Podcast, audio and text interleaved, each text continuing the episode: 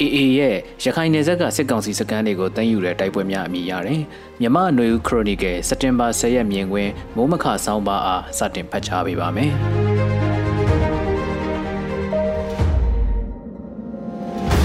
ရခိုင်ပြည်နယ်နဲ့ဘင်္ဂလားဒေ့ရှ်နယ်စပ်ဖြစ်တဲ့မောင်တောမြို့နယ်ကစစ်ကောင်စီတပ်တွေရဲ့စခန်းကုန်းတစ်ခုကို AA အဖွဲ့ဝင်တွေကသိမ်းယူလိုက်တယ်လို့စက်တင်ဘာ10ရက်နေ့ကထုတ်ပြန်ပါတယ်။ ခမာယာ352ရဲ့စခန်းကုန်းကိုတင်းယူရမှာစစ်ကောင်စီတပ်သားအများပြားသိဆုံးပြီးအချို့ကိုတုံ့ပန်းအဖြစ်ဖမ်းဆီးရမိကလက်နက်ခဲယမ်းတွေကိုလည်းတင်ဆက်ရမိခဲ့တယ်လို့သတင်းထုတ်ပြန်ချက်မှာဖော်ပြထားပါတယ်။မကြသေးခင်၁၀ရက်ဝန်းကျင်ကမိုင်းနိုင်40စခန်းလို့ခေါ်ဆိုတဲ့နေကြားဆောင်ရဲစခန်းတစ်ခုကိုလည်းအေအေအဖွဲ့ကသိမ်းယူခဲ့ပြီးစစ်ကောင်စီဘက်ကနေကြားဆောင်ရဲ19ဦးသေဆုံးပြီးတဦးဒဏ်ရာနဲ့ဖမ်းမိတယ်လို့ဆိုပါတယ်။ပြီးခဲ့တဲ့ရက်ပိုင်းတွေမှာ အဆိုပါမိုင်နိုင်40စခန်းကိုစစ်ကောင်စီဘက်ကပြန်လည်ရယူနိုင်ဖို့လေကြောင်းကူညီတွေပါတုံးပြီးတိုက်ခိုက်တဲ့တဲ့င်းတွေတစ်ဖက်နိုင်ငံနယ်နိမိတ်ထဲလက်နက်ကြီးကြီးကြားရောက်တာတွေလေရင်ဖြတ်ကျော်ဝင်ရောက်တာတွေဖြစ်ပွားလို့ဘင်္ဂလားဒေ့ရှ်နိုင်ငံသားရေးဝန်ကြီးဌာနကဘင်္ဂလားဒေ့ရှ်နိုင်ငံဆိုင်ရာမြန်မာတန်အမတ်ကိုတစ်ချိန်မကခေါ်ယူကန့်ကွက်ခဲ့တဲ့တဲ့င်းတွေလည်းဖော်ပြထားကြပါတယ်။ရခိုင်ပြည်နယ်ရဲ့နယ်စပ်ချင်းကပ်နေတဲ့ဘင်္ဂလားဒေ့ရှ်နယ်စပ်တလျှောက် အေးဖွဲ့ဝင်နေနေနဲ့ခြေကုပ်စခန်းရအောင်စူးစမ်းတဲ့လက္ခဏာတွေတွေ့လာရပြီးဒီလိုခြေဆိုင်စခန်းတွေသိမ်းယူဖို့စူးစမ်းတဲ့ရည်ရွယ်ချက်ကဘာဖြစ်နိုင်မလဲဆိုတာတော့တိတိပပမသိနိုင်ပါဘူး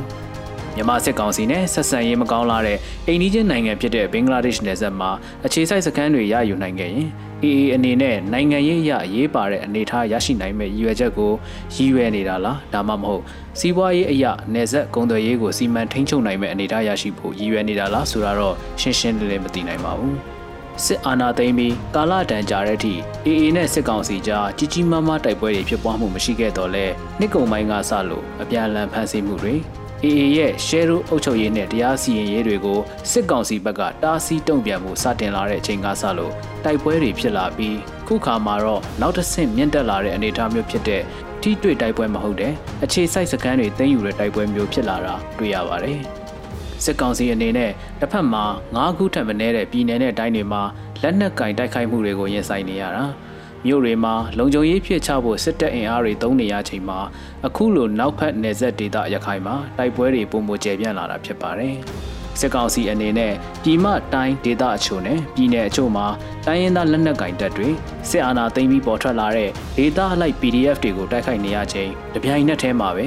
ကျန်တဲ့ဒေသတွေမှာလည်းတိုက်ခိုက်ထိုးစစ်ဆင်နိုင်တယ်ဆိုတာမျိုးကိုပြသခြင်းပုံရပြီးလွန်ခဲ့တဲ့9နှစ်တာကာလအတွင်းအလင်းအမြန်ပဲလက်နက်နဲ့လူရင်အားကြီးထွားလာတဲ့ EE အနေနဲ့ကလည်းအခုလိုစစ်ကောင်စီရန်သူဝိုင်းနေချိန်ဟာ၎င်းတို့အတွက်အခွင့်အလမ်းတစ်ခုအဖြစ်ရှုမြင်ကောင်းရှုမြင်မှာဖြစ်ပါတယ်။ဒီနေ့ပေါ်ခြားတဲ့နေ့ထဲမှာတော့မြောက်ရီနဲ့ဝေါ်လီသွားတဲ့ကားလမ်းမပေါ်မှာစစ်ကောင်စီဘက်ကလက်နက်လာပို့တဲ့ကားတစ်စီးကို KNU နဲ့ PDF တွေပူးပေါင်းတဲ့လက်နက်ကိုင်အဖွဲ့တွေကဖမ်းဆီးပြီးပစ္စည်းတွေသိမ်းယူရရှိလိုက်တဲ့တဲ့တင်ဖြစ်ပါတယ်။ဗိုလ်ကြီးဆင်းရှိတဲ့အရာရှိတဦးနဲ့တက်ချက်တက်သားတချို့ကိုတုံမှန်းဖြစ်ဖမ်းဆီးလိုက်တဲ့တဲ့တင်ဖြစ်ပြီးဖမ်းဆီးခံရတဲ့တဲ့တင်တပ်ပုံအရတော့တိုက်ပွဲကြီးကြီးမားမားဖြစ်သွားပုံမရပဲလက်နက်ချဖမ်းခံခဲ့ပုံပေါ်ပါတယ်။မြန်မာထိုင်းနယ်စပ်မြင်းတလျှောက်မှာနေရာယူထားတဲ့စစ်ကောင်စီတပ်စခန်းအချို့ကို KNLA နဲ့ PDF အဖွဲ့တွေက တိုက်ခိုက်နေတာကြောင့်ဇွန်လလောက်တည်းကတိုက်ပွဲတွေဖြစ်ပွားတာဖြစ်ပြီးစစ်ကောင်စီဘက်ကတိတ်ဆုံးမှုအများပြားရှိတယ်လို့ KNLA PDF တွေဘက်ကလည်းတိတ်ဆုံးဒဏ်ရာရရှိတာတွေ